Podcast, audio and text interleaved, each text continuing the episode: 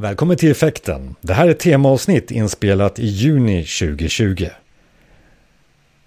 Vi pratar och diskuterar om pandemins påverkan på digitaliseringen nu och i framtiden. Vi bjöd in en panel bestående av Essie Dahlin, digital strateg på Society, Jan Bidner, gamification-expert på Bidner Done That och sen förstås också Micke Nobeck, UX-designer, Axis Communications och jag, jag heter Jonas Jani och eh, jobbar på Society som eh, teamchef. Effekten finns på effekten.se och där du hittar dina övriga podcast. Just det här avsnittet har vi också en videoinspelning på så antingen lyssnar du bara eller så går du in och tittar på videon. Eller varför inte både och.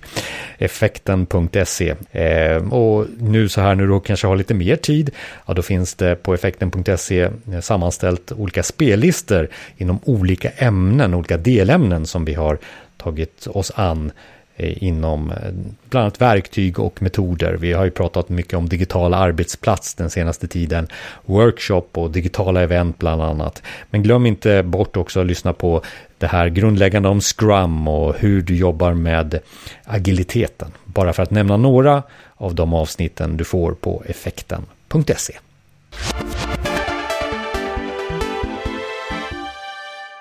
Välkomna till Effekten, det här är digitaliseringens podcast och ni har ju fått en introduktion redan av de här gubbarna och gummarna som ni ser i bild om ni tittar och när ni lyssnar så kommer ni få lyssna på Micke, Essie och Janne här snart. För det handlar ju om att förstå sig på vad det här nuvarande läget har eh, för framtiden och den framtida, digitaliseringen. Och det är det vi ska prata lite om och diskutera lite om i det här temaavsnittet som kommer bli nog lite längre än 20 minuter som är vår vanliga eh, tidpunkt för varje avsnitt. Så vi börjar väl direkt egentligen med att ställa den här frågan då om nuvarande läget. Eh, och Essie, har du ditt läge, har du kunnat göra det som du gjorde innan det här läget som du gör nu? Har du anpassat dig? Har det gått bra? Eh, ja, eh, jag har fått anpassa mig. I och med att jag har kunder över hela Sverige så har, är jag van vid digitala medier sedan tidigare. Jag har eh, ofta hållit eh, både digitala möten men, eh, men också till viss del digitala workshops. Men det som jag har behövt anpassa mig efter det är just workshopdelen, presentationsdelen just kring föreläsningar och så vidare och nå andra kommunikationsmedel. Eh, försöka vara kreativ, nå ut med energi genom skärmen. Eh, så det, det är väl på det sättet och givetvis inga resor. Det är den stora förändringen för min del. Så väldigt mycket kommunikation där egentligen är mycket. utmaningen. Ja, Absolut. Ja. Och, och, och, Janne, du som är ensamföretagare också. Eh, hur, hur, hur, har det blivit för dig eh, i det här nya läget? Ja, men det är väl samma här, tänker jag. Det är ju 100% digitala workshops nu. Jag, jag både undervisar ju, precis som, precis som Essie här, och jag har ju även haft då skolklasser på högskolenivå eh, och där har det varit utmaning tycker jag. När det har varit heldagar digitalt så får man verkligen vara, som Essie säger, kreativ och jobba mycket med interaktivitet och sådana saker. Så ja, det har varit lite utmanande. För det är en sak att ha en klass på plats och en annan att vara, att vara helt digital. Men det har gått bra? Eh, ja, det tycker jag. Eh, och, och, det har ju varit mycket liksom i, i detaljplaneringen som har varit helt, helt annorlunda än, än innan. Och just det liksom att faktiskt visualisera. Eh, vi har ju pratat tidigare du och jag Jonas om det här med digitala analogier och det tycker jag verkligen dras till sin spets när man, när man ställs inför utmaningen att vara 100% digital. Och vi kommer tillbaka till det här vad vi har lärt oss av det här. Men Micke, du som jobbar på ett bolag som skapar produkter. Eh, är det inte väldigt viktigt eh, att du skulle ha varit på plats här? Och det har du ju inte varit som jag förstår det. Nej, vi jobbar ju i väldigt eh, täta mobbteam, så att säga, utvecklingsteamen. Så att eh, grundfilosofin för företaget är att man arbetar på plats. Vilket har varit väldigt eh, spännande nu eftersom det visar sig att det går ju att arbeta på distans också. Men jag skulle nog säga personligen där så jag tappade nog fart i början de första två veckorna. Ehm, jag var lite småkrasslig. Jag hade ju pinsamt nog då varit i Boston i början på, på mars här så att jag kanske hade med mig någonting som, som eh, resten av Sverige också har fått. Ehm, men nej, så att jag Eh, undrade lite grann och eh, jag hade liksom ingen bra arbetsplats hemma och sådär. Så det tog väl en två veckor innan jag hade fått hem en bra skärm och kände att ja, men det här kan nog bli långvarigt. Här behöver jag sittande liksom. Men sen nu tre månader senare så nej, jag tycker bra tempo. Missar lite grann och tar breaks och luncher och sådär. Det är lätt att, att man bara jobbar vidare och fyller upp dagen med mycket möten. Eh, men nej, jag tycker det snurrar på. Ja, och vi kommer ju till det här vad vi tar med oss utifrån våra roller som vi har så kommer vi att ge dig som lyssnar och tittar eh, några sådana här, tänk på det här inför framtiden. För att, för att det som vi jobbar med inom digitaliseringen eh, eller digital transformation, det finns det ett, eh, ett uttryck nu som eh, går runt, eh, kommer från eh, Microsofts VD ursprungligen som säger så här, digital transformation, det har vi gjort nu på tre månader som vi egentligen skulle tagit tre år. Eh, och Essie, håller du med om det där påståendet eller har det gått snabbt? vad, vad tycker du? Eh, om digital transformation har genomförts på tre månader? Nej, säger jag på den frågan. Eh, digital transformation eller transformation överlag är en genomgripande förändring. Och det vi har gjort nu, eller tvingats in i, det är egentligen bara att skrapa på ytan av det. Vi har sett många bolag tvingats in i att använda eh, videomöten och så vidare. Eh, de har kunnat, eh, eller upptäckt själva fördelar med att faktiskt jobba hemifrån i en större utsträckning. Eh, men också vad den digitala tekniken kan med, medföra. De har upptäckt, eh, om man har nu Zoom eller eh, Google G Suite eller Microsoft-plattformen så har man upptäckt olika funktioner, man börjar experimentera mer med den typen. Men vi får inte glömma ändå att det är väldigt mycket som inte har hängt med. Det är många som kan sitta och hålla sina videomöten hemma men som inte kan komma åt viktig information eller de verktyg man behöver för att göra sitt dagliga arbete. Vi pratar om eh, avsaknad av VPN, vi pratar om kanske icke-kryptering, eh, eh, att man inte har genomfört informationsklassningar så man vet inte vilken information som, som får finnas var. Eh, det finns inte tillgång till olika servrar och, och så vidare. Så att det, vi är ganska, en, en transformation nej, men, men vi har det har gått fort vad gäller spridningen av, eh, av mer lätt använda verktyg. Eh, men vi har fortfarande en resa att göra. Men jag hoppas att det här kan, har öppnat ögonen för många för att man faktiskt kan jobba på distans på ett annat sätt. Mobilitet är en annan sak också. Eh, att man faktiskt ser att om vi bara skulle kunna göra det här, då skulle vi eh, kunna vara ute på fältet och få informationen direkt där i, i, min iPad eller en annan platta till exempel. Så det är både och. Men inte, är det inte så att eh, vanliga medarbetare har känt transformationen nu? Det, eh, menar du tjänstemän då? Ja, tjänstemän. Nu kan de, nu, ja, precis. Jag vet inte vem jag menar. Men alltså enklare. Eh, eh, vi visste om att vi som håller på med IT eh, det här med digitala verktyg, att hålla digitalt ja. möte. Alltså den mognaden, är inte det en transformation i sig att man nu kan klicka sig in i Zoom eller Eh, eller Teams eller vad det nu heter det här verktyget och att man har kommit över en sån tröskel. Är inte det en typ av transformation? Eh, ja, i en ett makro eller nästan mikroskala skulle jag säga att det är en transformation. Sen är det väldigt individuellt men det beror på också vilken typ av bransch alltså man, man befinner sig i, vilken verksamhet man bedriver. Eh, om om man kan nyttja den typen av verktyg för att föra verksamheten vidare eller inte. Det är faktiskt fortfarande många som, som har blivit uppsagda eller permitterade. Det måste man ha stor respekt för. Men eh, för de företag som faktiskt sitter, där medarbetaren sitter mycket vid skrivbordet i normala fall. Eh, där, där har de ju givetvis vant sig vid den här typen av kommunikation. Och även många som i början kanske var kameraskygga har överkommit det också och insett att det här är bara som vilket annat fysiskt möte som helst. Där kan jag instämma. Jag, ursäkta, jag tänker bara fylla på där lite. Jag, jag har gjort massor med intervjuer. Jag jobbar ju med UX research, då, strategiarbete och har bland annat intervjuat medarbetare på Umeå universitet. Eh, och jag kan ju intyga liksom att det, det är ju väldigt, väldigt naturligt för dem att dela skärm och, och köra Zoom-möten och så. Så där känner man ju liksom det hade säkert varit annorlunda om det inte hade varit för coronan tror jag. Helt klart. Så, så, man kan ju tänka sig, men det finns ju också en annan aspekt på det här att det kanske rullar tillbaka sina hjulspår när det är klart. Ja men nu, nu gör vi inte det här längre för nu är, nu är pandemin slut. Det är ju en spaning som jag har bland annat. Men, men, men Janne, är det en digital transformation enligt dig då?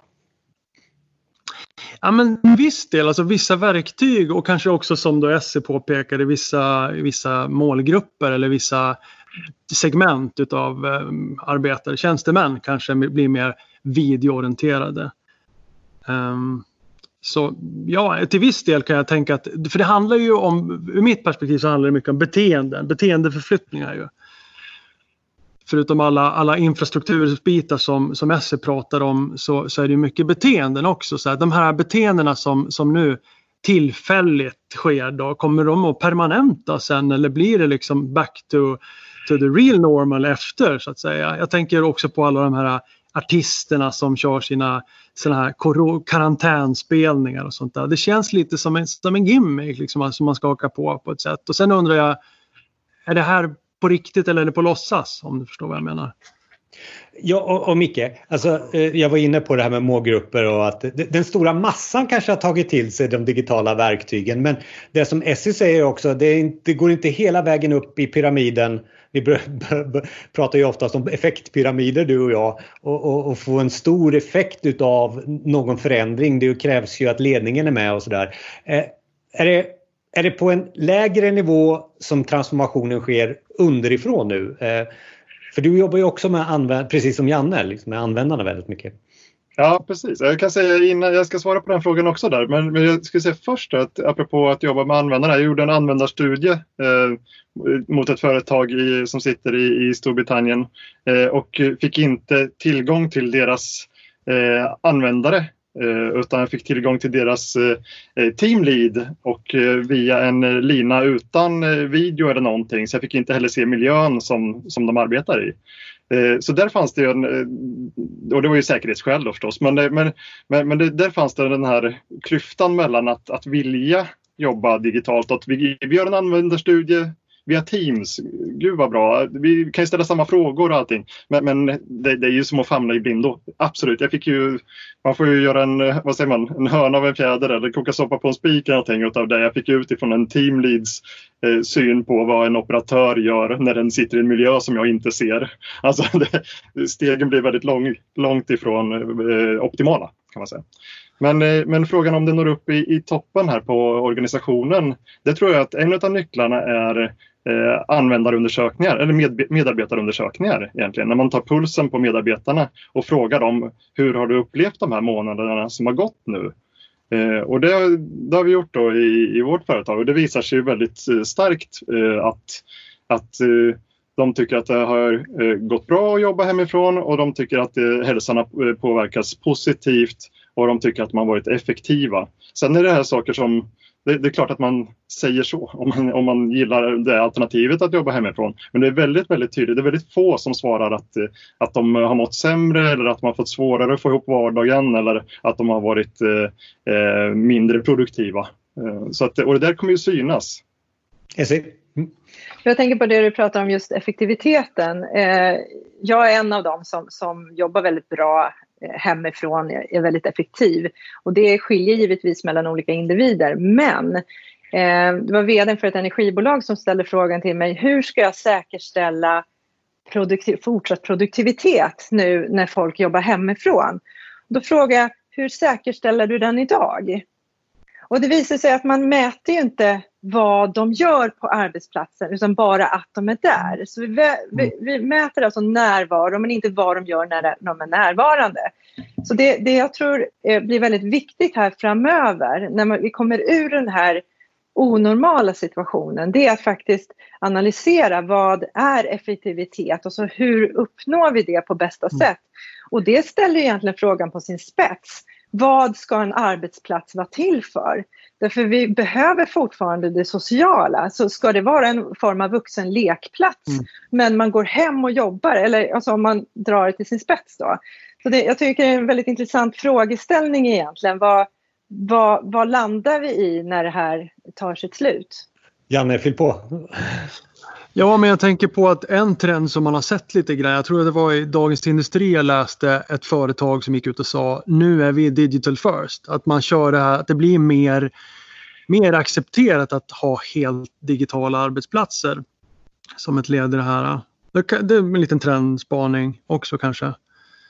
Mm. Att det blir som en selling point för ett företag att vi är flexibla på riktigt. För jag menar precis som, som Essie sa med struktur, infrastrukturen kan ju många gånger hindra att man har liksom data som inte får liksom lämna campus eller vad det är för någonting.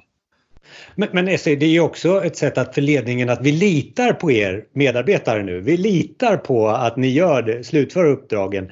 Vi vill inte se er här varje dag för vi litar på er. Är det det också du nämner ja, i, i det här? Det här, det här är en kulturfråga. Eh, absolut. Att, att man skapar en kultur av ömsesidigt, alltså på riktigt ansvarstagande mellan de olika medarbetarna. Man kan känna en, en stark tillhörighet till sitt team även om man inte ses på plats. Jag har jobbat med team eh, över hela Sverige och även internationellt där man har suttit på olika platser, ibland i olika länder och ändå jobbar mot ett gemensamt mål. Och jag tror det är väldigt viktigt att känna det och det är ingenting, det är ingenting nytt. Det är väldigt djupt psykologiskt. Så det, det bör vi ta med oss fortsatt. Eh, men även att ha den typen av kultur att vi faktiskt kan jobba var som helst och när som helst men att vi faktiskt, är, man ställer givetvis samma krav på resultat. Om inte, om inte högre då. Eh, ibland så ställer man inga krav alls har jag också ja. För jag tänker att det måste ju vara ganska nära kopplat just till liksom projekt och leverans. Liksom. Jag menar, har du eh, leverans i projekt eller någon form av mätning av det man gör så löser det sig själv, tänker jag. Till skillnad om man jobbar liksom i någon, någon, verksamhet som inte mäts för då är det ju svårt att veta och då finns det ju enda, enda man kan mäta är att man är på plats då liksom fysiskt. Micke, du hade något att tillägga där? Mm. Ja, jag vill bara säga att, att jag tycker att eh, avstämningarna blir eh, ännu viktigare. Så för att, just för att mm. eh, inte ha den här oron om vad gör folk egentligen? Jag ser dem inte ens vid sitt skrivbord. Liksom. Utan har man motsvarande som vi har i, i väldigt många eh, företag i IT-branschen, att, att vi har daily stand-ups eller liknande. Då, då blir det väldigt naturligt att berätta vad man gjorde igår och vad man ska göra idag. Om det är någonting som, om man måste hämta barn eller om det är något annat som hindrar en på, på något sätt. Då. Eh, så att, eh, eller man bara säger att jag kommer jobba, jag kommer, jag kommer vara mest online ikväll istället för på morgonen för att vi, det är skolavslutning eller någonting. Whatever. Men social, det, social acceptans eller? Ja, men också att, att, man, att man bollar. För det är väldigt svårt att eh, om, du, om någon frågar vad ska du göra idag och så säger du bara att ja, nej, jag har ett möte mellan 11 och kvart över 11. Alltså, det, då förstår man att du har ju tid till lite annat också. Så att säga. Så att det kan ju vara lite kontrollfunktion så att. Att, eh, ja, man vet mer vad, om vad varandra gör. Våra chefer har liksom lagt upp precis vad de gör under dagen också. Och det visste inte jag förut vad de höll på med. Liksom. Essie, håller du med där? Har du något där? Eh, ja absolut, jag håller med men jag tänker också på det Janne var inne på det här med att man, man, vissa delar mäter man och andra inte. Men det är väldigt många delar, många processer som går att mäta som man inte mm. mäter. Du kan mäta du kan mäta maskiner genom sensorer. Du kan även mäta processer från end-to-end och se hur kan vi effektivisera. Det är så vi jobbar med processutveckling egentligen. Men då måste man ha en baseline att utgå ifrån för annars vet du inte om du gör saker åt rätt eller fel håll. Men jag, jag, tycker också den diskussionen vi har nu, det vi började prata om digital transformation, digital mognad. Alltså vad betyder det här? Ska vi inte sätta oss ner och prata om begreppet med eh, organisationen eh, först egentligen. För att jag kan ju säga så här, ja, nu är jag digital first. Jag loggar in på Teams. Förut så gjorde jag inte det. Eh, alltså, eh, för att få den stora effekten, för att få den stora förändringen är väl att få med hela organisationen. Men jag känner väl också att digital transformation har skett underifrån nu med en mognad av att det känns enkelt att klicka sig in i det här Teams då, det första man gör. Eh, så, så någonstans här så svarar vi har det skett en digital transformation? Ja, är väl, är, väl, är väl svaret på det. Det beror på, eh, kan också ja, men, vara ett svar på. Ja. Tänk att det handlar ju ganska mycket om just det här med beteenden, att få till varaktiga beteenden. Och ju mer man tränar på någonting desto säkrare blir man. Och det är någonting som jag tycker att jag har känt i de digitala möten och de digitala lektioner och de digitala workshops jag har. Att jag har kört ganska mycket med så här äh, testrunder för att man ska bli liksom säker på verktygen. Och, och det är ju eftersom det alltid är på något sätt äh, plan B eller en sämre lösning att köra digitalt under normala omständigheter så, så tycker jag att man behöver ta det digitala mötet till exempel på allvar. Jag har gjort en lista på tio punkter som jag om det blir utrymme tänkte jag kunde dela med mig av liksom hur jag tänker runt det digitala mötet. Därför att jag, jag tycker att för mig är det plan A nu då, och det är ju det för alla egentligen. Ja, för, för det, då kommer vi till, jag tycker att eh, Micke om du börjar eh, på den här det sker en förändring. Vad är det vi tar med oss som är bestående när vi kommer ur det här? Vad är det som kommer bli bestående i den förändring som faktiskt har skett nu? Är det en spaning egentligen? Konkret spaning från dig om du, du har det? Ja, jag kan bara, det som kom först i huvudet här är ju att vår flygskam eh, tror jag kommer hålla i sig ett tag och, och vidgas till en reseskam då. Så att, eh, jag tror att man, eh, när man bokar ett möte så kommer man eh, fundera på, alltså en resemöte, så kommer man fundera på är det verkligen är det så viktigt att åka, flyga den där sträckan eller åka den där sträckan med bil? Eller ska vi ta det på Teamsmöte? Så den, den tror jag den, den tror jag kan hålla i sig ganska bra faktiskt. Det hoppas jag. Men du, du har också sagt till mig så här, minnet är kort, det här kommer, det här, vi kommer glömma bort det här som har Ja, varit. men det är en annan sak. Och det handlar om att, att eh, det tror jag i, mitt, om jag fortsätter på resetemat här då, så tror jag att, att resorna kommer nog komma igång igen. För det handlar alltså, det är så tydligt om njutning. Och, och så, så länge vi har Eh, så länge tjänar, vi tjänar de pengar vi tjänar så vill vi bränna det på upplevelser. För nu har vi varit hemma och, och renoverat vårt hus här i tre månader. Så, så att nu, nu är inte det intressant längre. Utan, utan nu, nu handlar det om att, att uppleva saker och då, då tror jag att eh, nöjesresandet kommer nog kicka igång eh, ganska snart igen. Men, men, men, du är inne lite på beteende, alltså det här med att jobba i grupp och, och sådär. Eh, ja, när jag jobbar tillsammans, eftersom jag jobbar med teamlead, så känner jag att några vill, nej men det här vill jag fortsätta med. Eh, ska jag dra den personen in till det här teamet bara för att vi måste möta, mötas fysiskt? Nej, det tycker inte jag att jag vill göra men du är inne på att det kanske ändå så att det blir bäst fysiskt då, eller? Ja, alltså det beror på vilken typ av möte för att, eh, och vilken typ av människor förstås. Eh, och vilken situation man har hemma dessutom. För jag tänker, vi har ganska många som pendlar in och sitter i bil någon halvtimme, tre kvart på morgonen och en halvtimme, tre kvart på kvällen. Och det är klart att eh, man måste kunna få ett bättre liv om man, om man slipper den eh, tiden i, i, bil. Då. Så, så att eh, en sån människa skulle inte jag dra in eh, lika ofta som jag skulle dra in en, en, som, en som bor bredvid och som, som eh, kanske behöver socialisera lite och sådär. Men sen så tror jag att mötena kan vara mycket mer kvalitativa. Jag tror att vi gör, gör en designsprint så den blir bättre om du är i rummet. Ja, vi har gjort lite försök på olika sätt på distans och sådär. Och man kan komma hyfsat nära kanske men du får inte riktigt samma samspel som när du möter människa mot människa i, i ett rum. Mm. Vill du veta vad design sprint är så finns det ett avsnitt på i effekten om, om detta. Eh, men du, vi kommer återkomma till det mycket för jag tror att det är intressant att höra också Essie om din spaning om just den här, vad kommer vara bestående här efter att vi, vi har kommit ur detta? Mm, eh, jag vet inte om det är ett önsketänkande från min sida men jag hoppas och tror att vi har blivit väldigt medvetna om hur lätt virus sprids. Eh, jag vet inte hur många gånger jag har suttit på tåg, eh, både lokaltåg men också längre distanståg på SJ och möter folk som hostar och snörvlar och rent av bedrövligt sjuka där, och de ska in till sitt jobb. Ehm, med den här upplevelsen eh, så hoppas jag att man tar med sig hur lätt virus sprids, virus och infektioner. Därför att vi får inte glömma, det är många äldre som dör av vanliga influenser varje år. Och många av oss som blir sjuka varje februari. Vi pratar om vabruari och så vidare. Så eh, att vi tar med oss det och med ökade eh, digitala möjligheter att kunna jobba hemifrån faktiskt vid den där lilla, lilla förkylningen, man kanske känner sig lite retlig i halsen, ja, men då stannar man hemma och jobbar istället för att åka in och smitta alla andra. Mm. Och, det, och det, är social, det, är socialt accepterat då mera? Exakt, så att jag inte behöver... och det är snarare ett krav. Att det är ett krav, en förväntan från din arbetsgivare att om du känner dig minsta lilla sjuk, du kan fortfarande jobba. Det är, hur många gånger har vi inte känt själva att vi har lite energi så vi kan jobba. Men det vore inte så bra att ta sig till jobbet. Eller man kanske rent av blir fysiskt utmattad av den resan. Men man kan ändå sitta hemma vid datorn.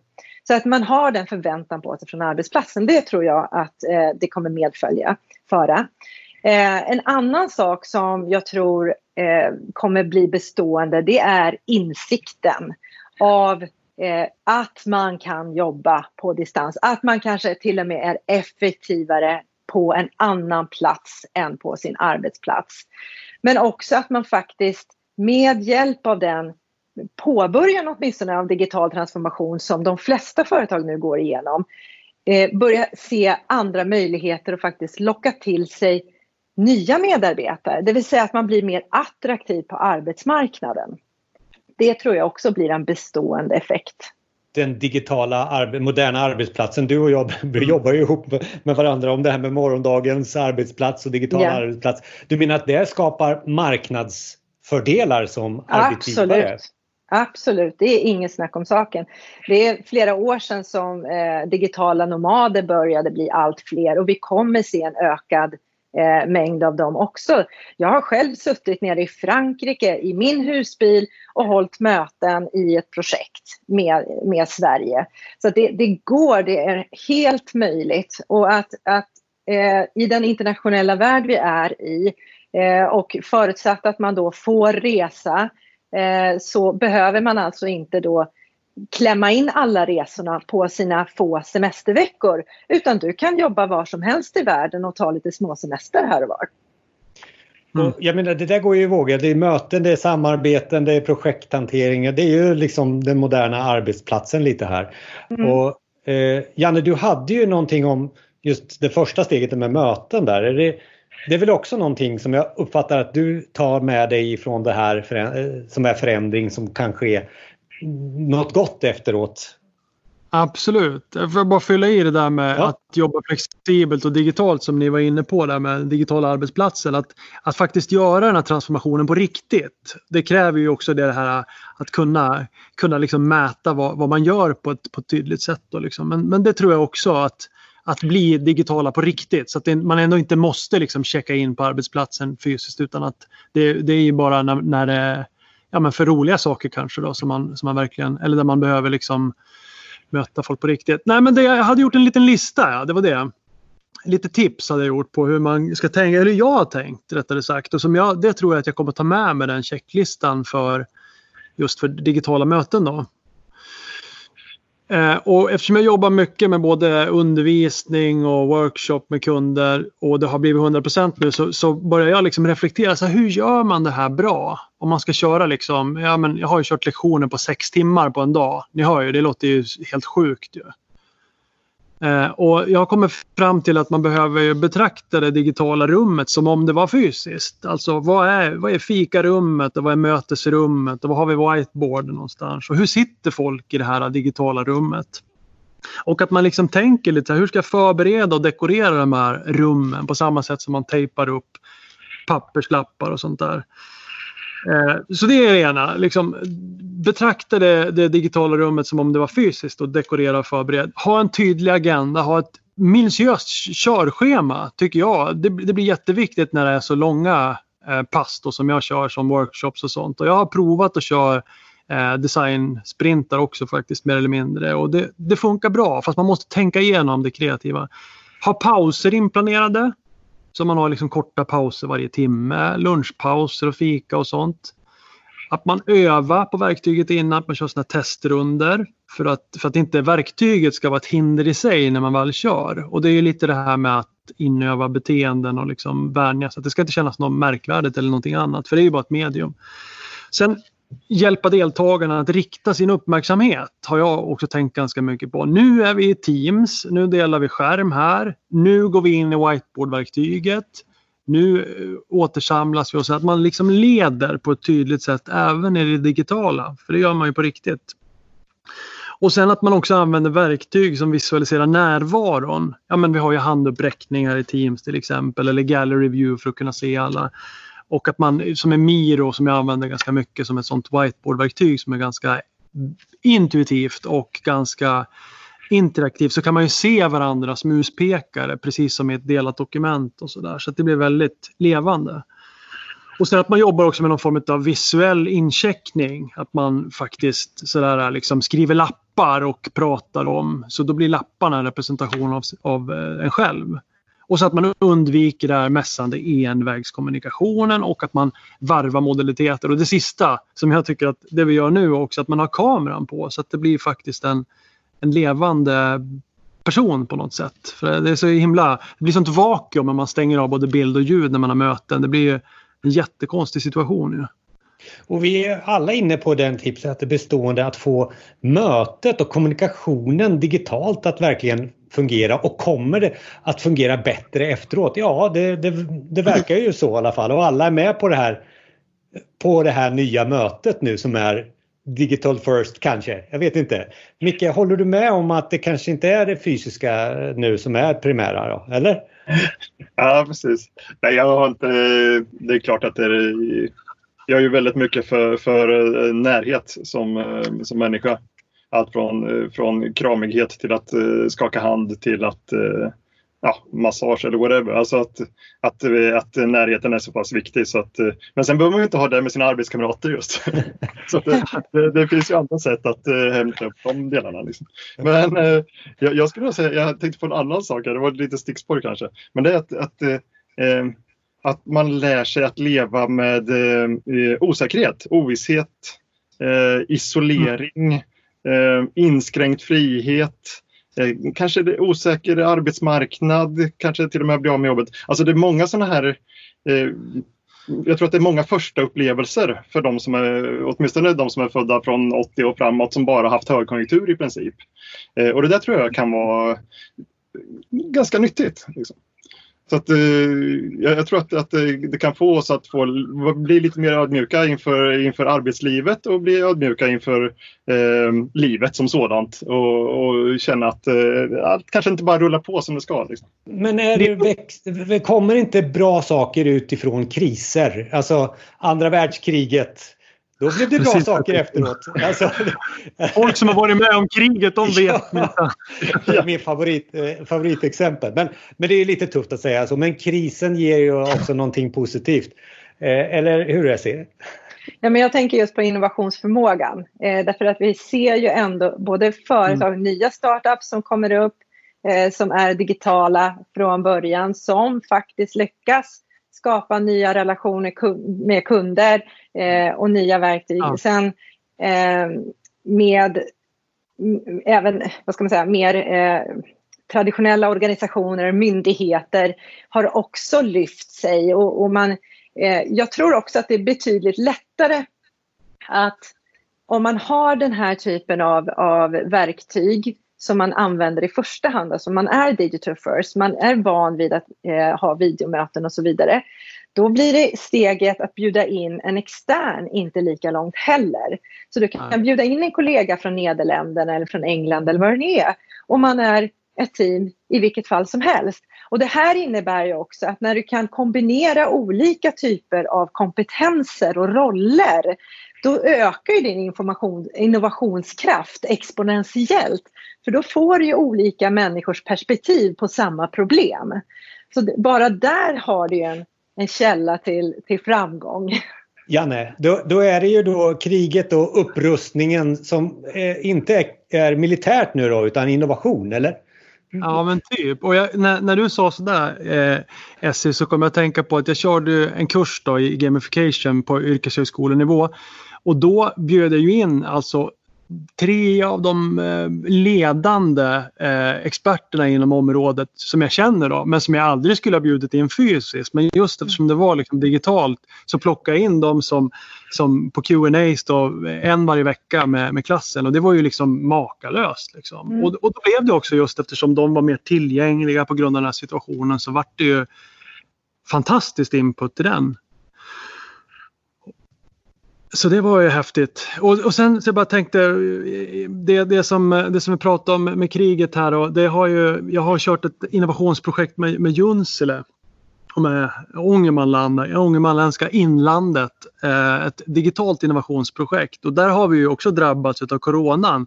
Och det sätter ju som igång också, ger ju input till det här digitala innovationsprojektet. Hur hanterar vi det här då? Om det inte kommer några besökare, hur gör man, hur gör man då? För de lever ju som på besöksnäring. Kan, vad kan man göra digitalt av det här? Eh, eh, tack Micke för att du kastade in en handgranat i, i, i det här. mycket, mycket men, men, men Micke, något att tillägga här bara innan vi tar sista ronden? Får jag, tillägga, får jag prata mer?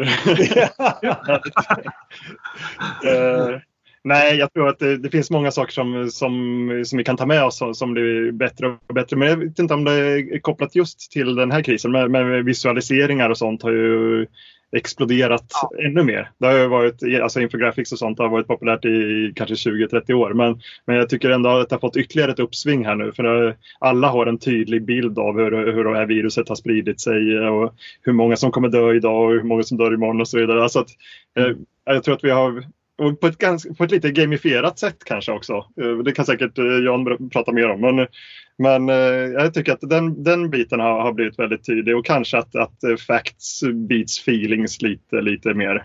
Vi vill lyssna lite mer på experter, lite mer statistik, lite mera... Åtminstone här i, i Sverige så har vi ett expertstyre snarare än ett politiskt styre då, när det gäller den här frågan. Jag har också en liten... Ja, förlåt, Janne. Mm, mm. Ja, men, och jag vet inte om det, vi, vi, kanske ska vänta med det eller om det ens passar in. Men det finns ju dystopiska perspektiv på det här också. Jag tänker på övervakningen som har tagit ett kliv framåt i och med biometriska och värmekamermätningar som, som man börjar med i Kina och som nu sprider sig över världen till USA och sånt där. Det är ju en aspekt på det som där, där det verkligen blir en digital transformation. Och den typen av utveckling kan man ju sällan kliva tillbaka från. Det vet det, man ju. Och det tror jag vi var på innan det här, bara det att det kanske mm. eh, går lite snabbare nu också. Men, men Essie, ska vi, ska vi sluta med en runda? Vad, vad är det du tar med dig? Eh, har du något att tillägga eh, som vi kan ta, ta med oss här tycker du? Ja, jag skulle vilja nämna ledarskapet. Eh, ledarskapet kommer utvecklas eh, i en snabbare fart efter det här, eller i, under det här ska jag säga. Därför att eh, en traditionell chef som eh, kanske bara har, eh, eller ser sin egen uppgift som att eh, ta hand om administrativt material. Eh, de är ganska passé i det här. Utan den nya ledaren, den moderna ledaren som faktiskt inspirerar, ger riktning, eh, utformar strategi och ger energi och har ett väldigt empatiskt förhållningssätt till alla sina medarbetare. Det är de som kommer fram under den här krisen. Både hur de själva hanterar krisen men också vilken typ av, av ledare man är och vilken förebild man är för att faktiskt kunna leda sina sina medarbetare genom den här eh, krisen eh, i, och under fortsatt arbete. Så ledarskapet vill jag lyfta. Yes, soft skills. Ja. Yes. Eh, Janne, samma fråga där. Vad tar vi med oss eh, som en sista bit? Ja, det är svårt att tycker jag, sammanfatta men, men jag, jag undrar om vi tar med oss det här med att man har med sig släktingar på på Zoom när man har firat studenten och sånt där som, som vi har gjort nu då. Man har äldre släktingar som inte kan komma och så deltar de på Zoom istället. Drar man igång ett Zoom-möte i framtiden när man kör studenten eller hur? Hur blir det? Om någon är sjuk. ja, precis. Ja. Det var ganska speciellt men ändå lite, charmigt tyckte jag. Vi hade dem på 75-tums tvn i vardagsrummet och så, så zoomade vi en presentöppning och sånt där. Och det är klart att det, det, är ju som någonting helt, helt nytt, helt annat. Lite mer från en science fiction-film att man har liksom eh, uppkopplat på det sättet i vardagen. Och jag undrar också om de här eh, livestreamade konsertkarantän-sessions och sådana grejer, om det kommer att leva kvar på, på ett tydligare sätt. Liksom. För, för det handlar ju lite om så här vad, vad som är möjligt och, och, men framförallt vad som är önskvärt. Liksom. Vad, vill vi umgås på det här viset? För precis som Micke så känner jag det här med att kramas är ganska härligt och det får man ju inte göra alls nu. så, så jag vet inte liksom. Det är vissa bitar vill man ta med sig, andra vill man ju, vill man ju lämna bakom sig. Och Micke, vad har du för något? Nej, ytterligare en reflektion då. Eh, jag tänker på på något sätt de som, som hade det väldigt lätt att hantera den här situationen. Alltså, de, de som har det svårast är de som bor i, i stan och trängsel och sådär. Så att helt plötsligt så har vi vinnarna på, i glesbygden på något sätt som redan är mm. isolerade. Helt lugn och ro. Vardagen fortsätter som vanligt. Liksom. Och den som är introvert snarare än extrovert mm. tumme upp. Liksom. Nu, det här går jättebra att jobba. Jag kommer inte vara helt slut när jag kommer hem efter en intensiv dag på jobbet och alla har varit på mig hela tiden och jag har varit tvungen att socialisera. Utan helt plötsligt så har jag kunnat arbeta på i, kanske varit effektivare och dessutom orkade ta hand om min familj på kvällen. Alltså det, så att det, det, finns ett antal så här otippade vinnare tycker jag. Så att, eh, man, ska inte, man ska inte glömma det. Det finns en del uppsidor också otippade vinnare. Vi, vi, vi tar oss med oss det för jag tror att vi har hittat några diamanter i det här samtalet som gör att eh, man som lyssnare eh, tar med sig dem vidare i eh, det här som vi befinner oss i. För vi kommer ju komma ur det hela också. Eh, mer på effekten.se i blogginlägget tillhörande det här avsnittet finns också i era show notes om du tittar och eller lyssnar i din eh, podcastspelare. Eh, tack Essie, tack eh, Janne och tack Micke. Tack så mycket. Tack Jonas. Tack.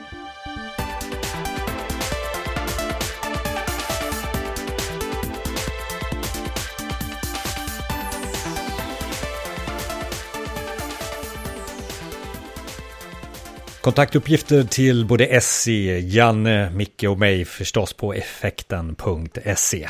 Och lämna gärna en recension utav den här podden på Apple Podcast och ge oss lite tips om vem som ska vara våran nästa gäst. Det kan du göra på effekten.se där också. Gå in där på om podcasten så har du alla kontaktuppgifter som du behöver. Vi finns också på LinkedIn och sen tipsa gärna dina kompisar om den här podden. Vi finns ju där poddar finns, till exempel Spotify, Apple Podcast då och eh, Google Podcasts.